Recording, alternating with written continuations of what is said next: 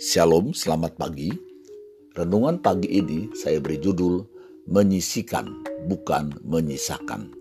Mari kita buka dalam 1 Korintus 16 ayat 1 sampai 4. Tentang pengumpulan uang bagi orang-orang kudus, hendaklah kamu berbuat sesuai dengan petunjuk-petunjuk yang kuberikan kepada jemaat-jemaat di Galatia.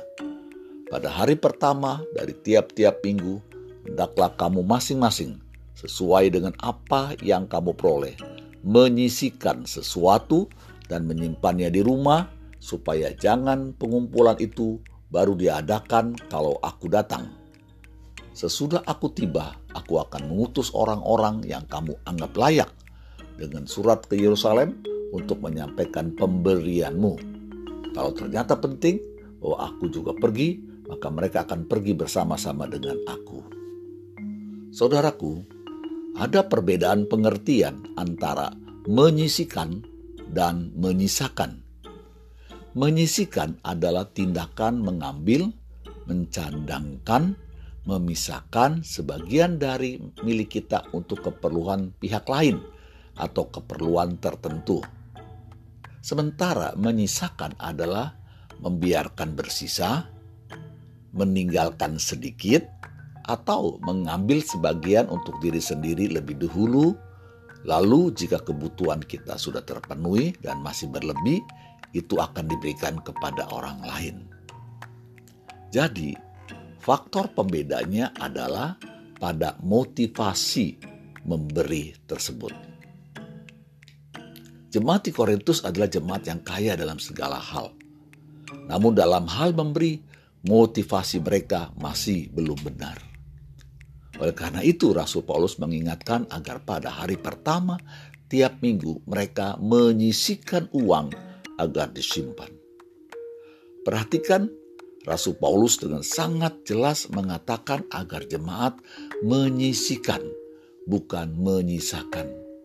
Artinya, dalam memberi bantuan kepada orang-orang kudus harus dengan kesadaran penuh. Mereka sudah harus menyisikan terlebih dahulu.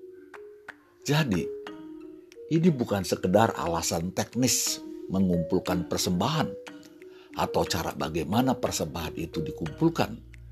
Misalkan saat ini ada yang memasukkan uang di kantong persembahan yang diedarkan atau melalui maju ke depan dan memasukkan ke dalam peti derma.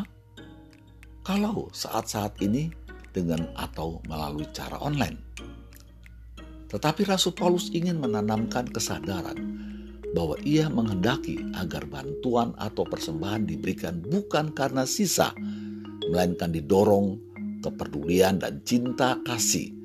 Oleh karena itu telah disisikan. Melalui renungan pagi ini, kita ditantang untuk memeriksa ulang seluruh motivasi dalam hal memberi. Baik memberi kepada orang lain sebagai bantuan atau sebagai persembahan kepada Tuhan melalui gerejanya.